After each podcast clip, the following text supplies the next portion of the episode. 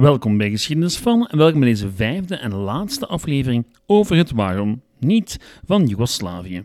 Vorige week hadden we het over de Tweede Wereldoorlog eerst een definitief einde leek te maken aan het land, maar eindigde met een herenigd Joegoslavië. Onder andere management weliswaar, want van een koning was geen sprake meer.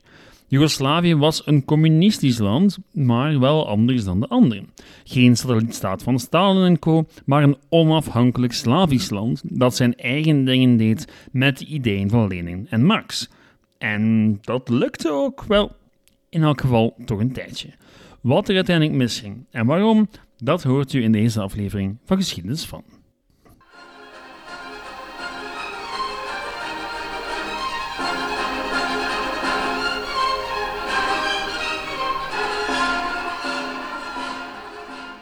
Ik heb onlangs een boeiende ontdekking gedaan in het bibliotheekje van het internaat, waar we hier af en toe een handje toesteken. Het was een boek getiteld Let's Visit Yugoslavia uit 1968 en het was ronduit fascinerend. In het boek stonden een heleboel foto's met onderschriften zoals A typical beach scene. Yugoslavia's coastal region with its warm Mediterranean climate is popular with holiday makers. Of there are many new factories springing up all over Yugoslavia. Of Building in Progress on the site of the Iron Gauge Hydroelectric Power Station. Het hele boek door wordt je een verhaal verteld over een modern land in opbouw. Prachtig allemaal, maar achteraf gezien ook uiterst absurd. Want dat land bestaat helemaal niet meer. Neem nu de cover, die toont het prachtige middeleeuwse stadje Mostar met haar brug. Een brug die de twee delen van de stad met elkaar verbindt. Het ene vooral bewoond door christen, het andere door moslims. Prachtige metafoor voor een land dat zo divers is als Joegoslavië in 1968, maar nogal cynisch als je weet dat die brug sneuvelen zal in 1993 bij een van de oorlogen na de ontbinding van het land. Ondertussen is ze dan wel heropgebouwd, maar in een heel ander land dan in 1968. Nu, als je de terugblikt naar de vorige afleveringen, mag het eigenlijk niet verbazen dat het zo ver is kunnen komen. Het ontstaan van Joegoslavië ging nu eenmaal niet van een leien dakje, en tussen Wereldoorlog 1 en 2 was er ook al weinig dat je het gevoel gaf dat dit land de tand destijds zou kunnen doorstaan. Om nog maar te zwijgen over de bloedige affaire die Wereldoorlog 2 was, waarbij zowat een miljoen Joegoslaven omkwamen. Een groot deel daarvan door acties van zogenaamde landgenoten. Dus ja, met dat in het achterhoofd is het maar logisch dat het land uiteindelijk uiteenvalt in een hoop kleinere staatjes. En toch ligt dat boekje hier naast mij op mijn bureau. Een boekje dat een heel andere realiteit lijkt voor te stellen. Eentje van een eengemaakte natie met een sterke infrastructuur en een hoopvolle blik op de toekomst. Diezelfde indruk kreeg ik trouwens van de verhalen die mijn tante vertelde over haar reis door het land begin de jaren 80. Er was wel degelijk een periode waarin Joegoslavië gezien werd als een moderne, goed functionerende natiestaat. Wat niet strookte met wat er voor en erna kwam. Nu, in deze aflevering bekijken we wat er gebeurde vlak na Wereldoorlog 2 om het land een eerste en laatste bloeiperiode te schenken en waarom het dan uiteindelijk toch op gewelddadige wijze uit elkaar spatte. Het wordt een zeer drukke en goed gevulde aflevering en ik vrees dat ik niet altijd even duidelijk ga kunnen zijn. Maar goed, ik moet die reeks een keer afmaken en dat is dus vandaag. Oké. Wat het samenblijven van Joegoslavië betreft, zou ik me ervan af kunnen maken met één enkele naam, namelijk Josip Broz Tito. De man leidde de partizanen in Joegoslavië tijdens de Tweede Wereldoorlog naar een totale overwinning. En hij leek begin 1945 ook vast van plan om politiek de touwtjes in handen te nemen na de oorlog.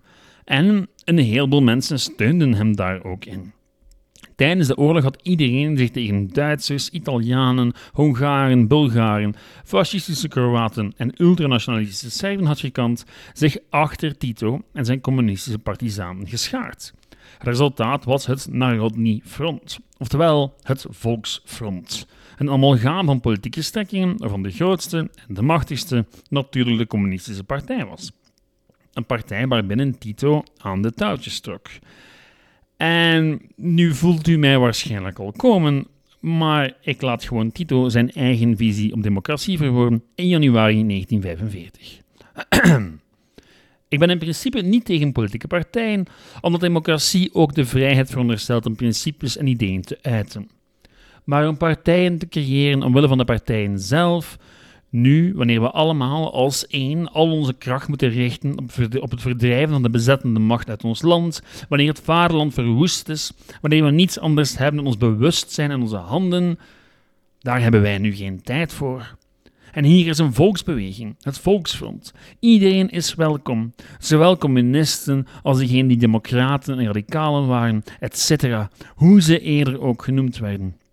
Deze beweging is de kracht, de enige kracht die ons land nu uit deze horror en ellende kan leiden en het naar de volledige vrijheid kan brengen. Einde citaat. Kort samengevat, democratie, tuurlijk, zolang je op de goede stemt. En in deze context, in dit Joegoslavië, kan er maar één partij de goeden zijn. Namelijk iedereen die zich achter Josip Broz Tito en zijn communistische partij schaart. En dat patroon zie je in heel wat satellietstaten van de USSR vlak na de Tweede Wereldoorlog. De aanloop naar de verkiezingen van 11 november 1945 leest als een handleiding voor verkiezingsmanipulatie. Kranten van oppositiepartijen werden verboden, oppositieleiders bedreigd met de dood. En toen deden die oppositieleiders iets wat weliswaar begrijpelijk was, maar absoluut idioot. En als u ooit de oppositie in een land dat bedreigd wordt door een dictatuur, nooit doen. Ze trokken zich terug uit de verkiezingen als een protestactie. Nu, het gevolg was dat de communisten natuurlijk nog meer vrije ruimte kregen. Het Volksfront de verkiezingen won met 85% van de stemmen.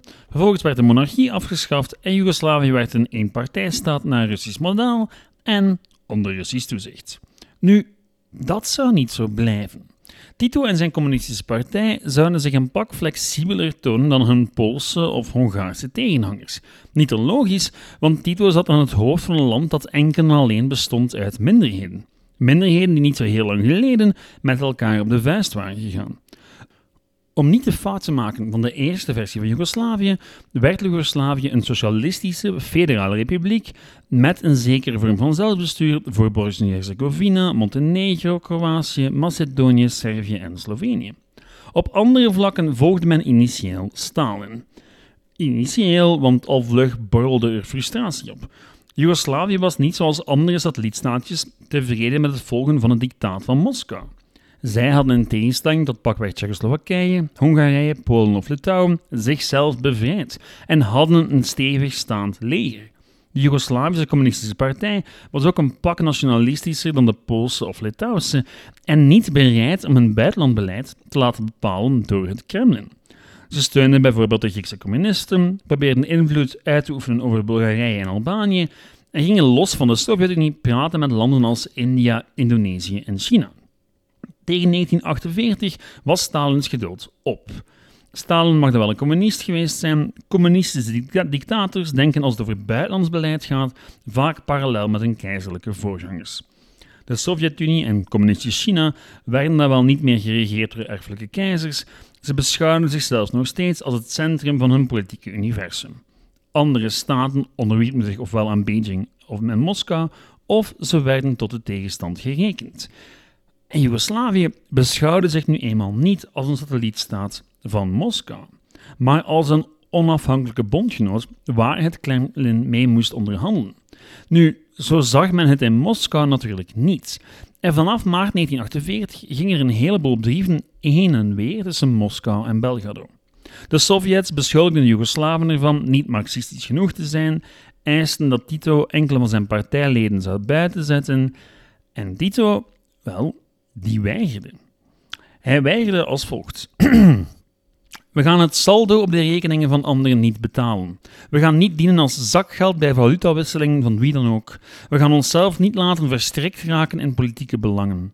Waarom zou het onze volkeren kwalijk genomen worden dat ze volledig onafhankelijk willen zijn?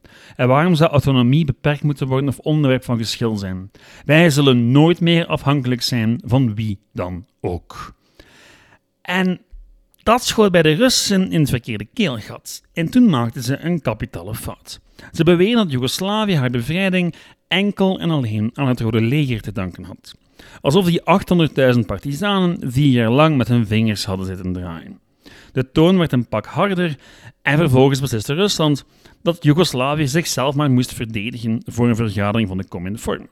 Het was een organisatie waardoor Moskou zijn vazallen onder controle hield. Nu, Tito weigerde zelfs op te dagen voor de meeting en vervolgens werd Joegoslavië gewoon uit de Cominform gezet. Wat zeer heroïs is voor Tito en voor Joegoslavië, maar wel een gigantisch probleem. Want plots waren alle politieke, militaire en economische banden met het Oostblok doorgesneden en leek Joegoslavië, nogmaals, op het randje van de ondergang te staan. Er waren trouwens ook koepogingen van communisten trouw aan Moskou en aan de grens met Hongarije verscheen plots het Rode Leger. Klaar om in te vallen mocht de gelegenheid zich voordoen. Wat bleek de oplossing? Zich naar het westen keren. De VS en West-Europa verwelkomden Joegoslavië met open armen, al weigerde Tito om deel te worden van de NAVO of dingen te doen zoals democratiseren. Joegoslavië zou zijn eigen koers uitstippelen onder het leiderschap van Tito en zijn communistische partij. Nu, die koers was, voor een tijd althans, opvallend succesvol. De economie werd gedeeltelijk geliberaliseerd, de politiek gedecentraliseerd en op internationaal vlak stelde Joegoslavië zich steeds neutraal op. En dat alles werkte nog ook. De industrie bloeide, de landbouw ook. Door te decentraliseren werden de spanningen tussen de verschillende etnieën wat gekalmeerd. En voor een communistisch land was er opmerkelijk veel vrijheid voor het individu. Dit is het land waar mijn tante het over had. Dit is het land van Let's Visit Yugoslavia. Al is de realiteit natuurlijk ietsje genuanceerder dan dat. Want ja, Joegoslavië bleef een communistische dictatuur, waar het Centrale Comité en dan specifiek Tito alles voor het zeggen had. Er was wel degelijk een geheime dienst die een oogje uithield voor bedreigingen tegen het systeem en niet vies was van een moord of twee. De pers werd wel degelijk gecensureerd en nationalisten liepen steeds het risico om in de cel te belanden. Maar in vergelijking met zoveel andere communistische landen tijdens diezelfde periode was Joegoslavië een pak aangenamer om te leven. De geheime dienst, de censuur, de dictatuur, al die zaken waren er minder drastisch dan elders en er was een functionerende economie. Vanaf de jaren 60 was er zelfs sprake van een economische boom. Er was geld, er was werk, relatieve vrijheid en gratis gezondheidszorg. Toen in 1968, zoals op zoveel andere plekken in Centraal- en Oost-Europa, massale demonstraties van de jeugd uitbraken, was geen speech van Tito genoeg om de zaken te laten kalmeren. Geen tanks, geen slachtoffers. Ja, achteraf was er wel een zogenaamde zuivering van de universiteiten. Maar goed, je plek aan de universiteit verliezen of naar de cel gaan voor de rest van je leven, een groot verschil. En qua overheidsrepressie valt dat nogal mee. Dus ja, in de jaren 60, jaren 70 was Joegoslavië een geslaagde staat. Al waren de spanningen die uiteindelijk voor haar ondergang zouden zorgen natuurlijk wel al aanwezig. Ze zijn al aanwezig vanaf bij het ontstaan. Nu, nationalisme was nooit weg geweest en demonstraties voor meer zelfbestuur doken op van tijd tot tijd. Tito reageerde steeds met een mengeling van onderdrukking en hervorming. Nationalisten werden uit de communistische partij gezet, maar tegelijkertijd werden veel van de hervormingen die ze gevraagd hadden doorgevoerd. Bijvoorbeeld in de nieuwe grondwet van 1974. Tot grote tevredenheid van Kroaten, Albanen en andere minderheden, maar tot frustratie van de Serven. En, wel, dat is misschien een van de grootste redenen voor de ondergang. Het conflict tussen Serven en de andere bevolkingsgroepen. Nu, voor Servië was het bijvoorbeeld totaal niet nodig dat Montenegro en Macedonië als aparte staten behandeld werden. Dat stond hen niet aan. Voor de Serven was dat gewoon allemaal Servië. Het waren allemaal Serven. Bovendien waren ook heel wat Serven uitgespreid over het grondgebied van Kroatië en Slovenië. Het was gewoon de grootste etnische groep en decentralisatie had als gevolg dat Servië en de Serven steeds minder te zeggen hadden. Iets waar ze zich vanaf 74 tegen zouden gaan verzetten. Nu, zo zag de van oorsprong Kroatische Tito het natuurlijk niet. Die gaf toe aan regionalisering omdat hij besefte dat het de beste garantie was voor het voortbestaan van Joegoslavië. Nu, ironisch genoeg was de beste garantie voor het verdere voortbestaan van Joegoslavië misschien wel Tito zelf. Want het was zijn aura van vader des vaderlands die veel deed om iedereen op dezelfde lijn te krijgen en te houden. Tegen het einde van de jaren 70 was hij zelfs een internationaal icoon geworden. Hij bezocht de helft van de wereld en diende als symbool van een tussenweg tussen Washington en Moskou. En toen, wel, toen stierf hij. Wat logisch is voor een man van 87 die al een tijdje ziek was. Desalniettemin was het een gigantische schok voor Joegoslavië toen hij overleed in 1980. En het feit dat hij niet vervangen werd, zegt al veel. Er was niet meer één president van Joegoslavië, maar een soort van samenwerkingsverband tussen de verschillende presidenten van de deelrepublieken. Ja, er was een eerste minister, maar die had niet de macht of het gezag van Tito voor hem. En je zou kunnen zeggen dat het van dan af van kwaad naar erger ging met Joegoslavië. Nu, de onderliggende oorzaken waren wel al aanwezig. Het steeds latente nationalisme natuurlijk, maar evengoed de economische conjunctuur. Ja, er was immens economische bloei in de jaren 60 en 70, maar eind jaren 70 begon de machine te stokken. Redenen? Oliecrisis in het Westen. Problematisch voor een exportland dat miljarden had geleend om zijn infrastructuur verder uit te bouwen. Want al die producten die in Joegoslavië van de band rolden, vonden plots nog maar weinig geïnteresseerd in het Westen, waar velen de knip op de beurs hielden. De economische crisis had niet enkel economische gevolgen. In een land waar er zelfbestuur was voor allerhande regio's, is het maar logisch dat sommige regio's het op economisch vlak beter doen dan anderen. En dat verschil heeft ook vaak politieke gevolgen.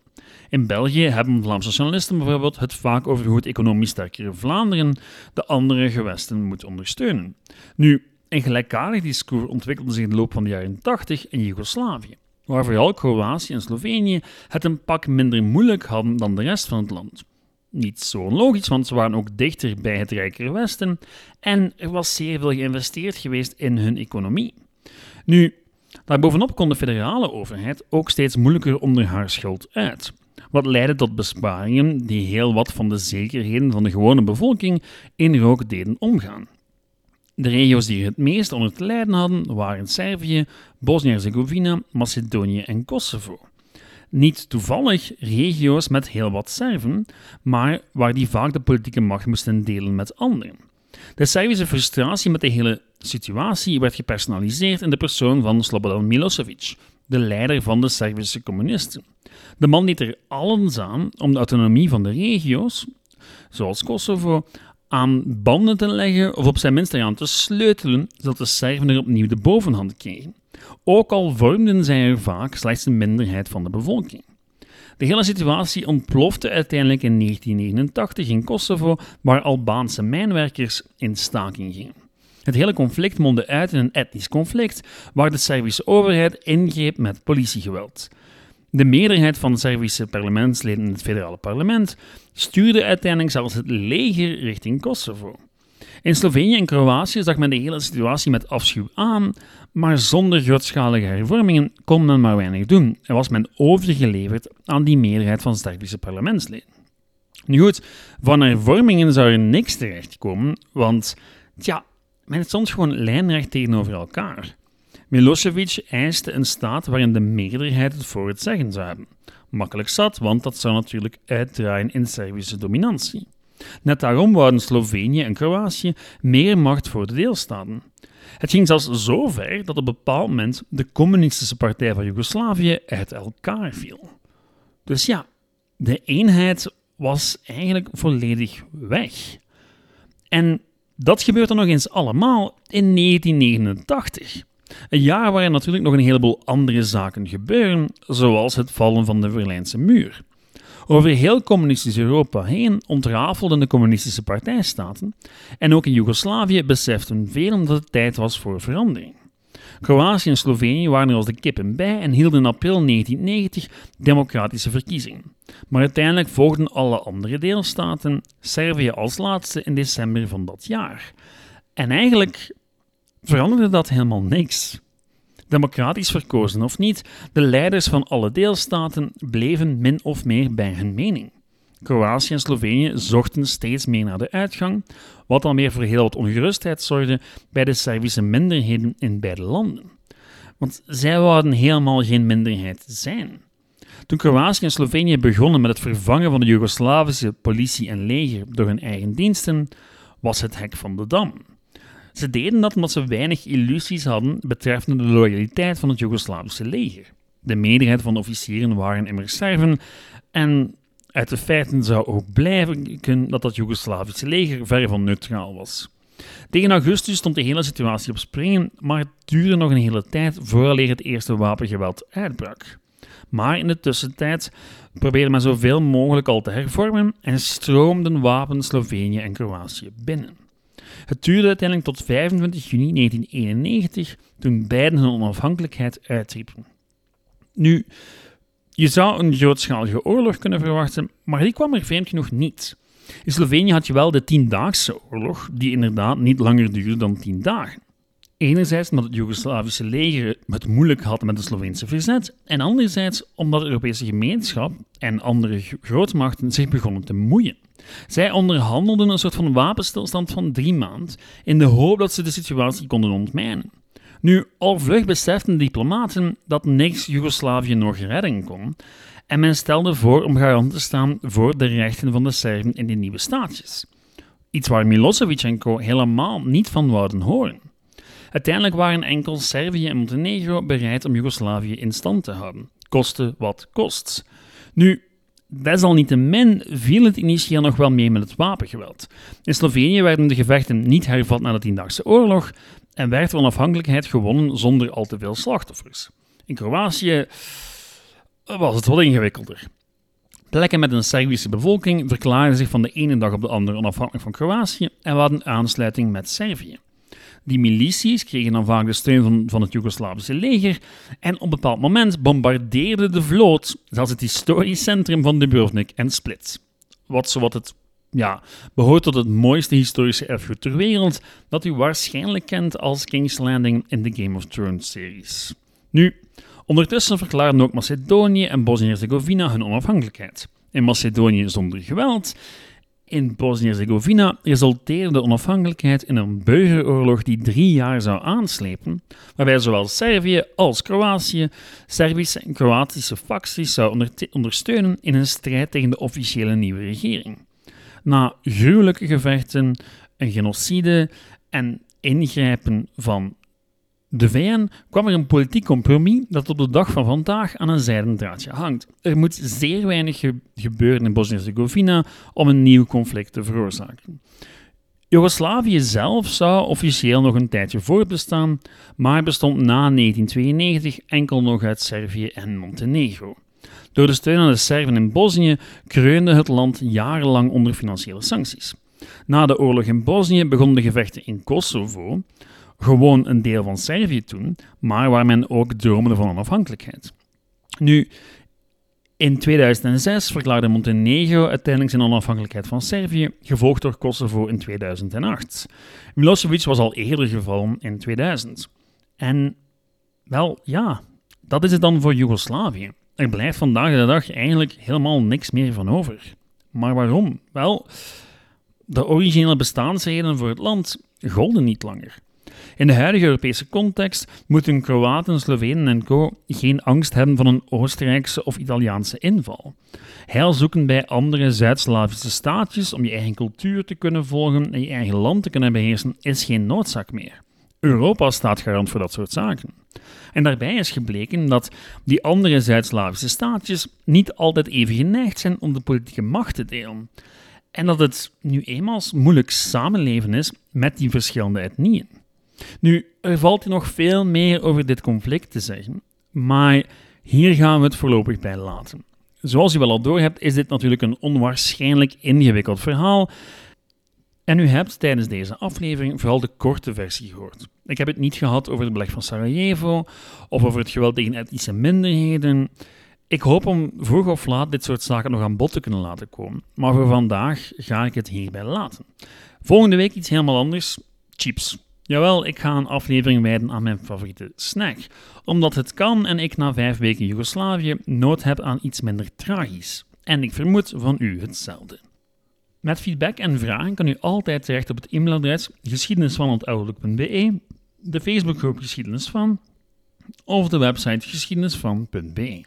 Bedankt voor het luisteren en tot de volgende.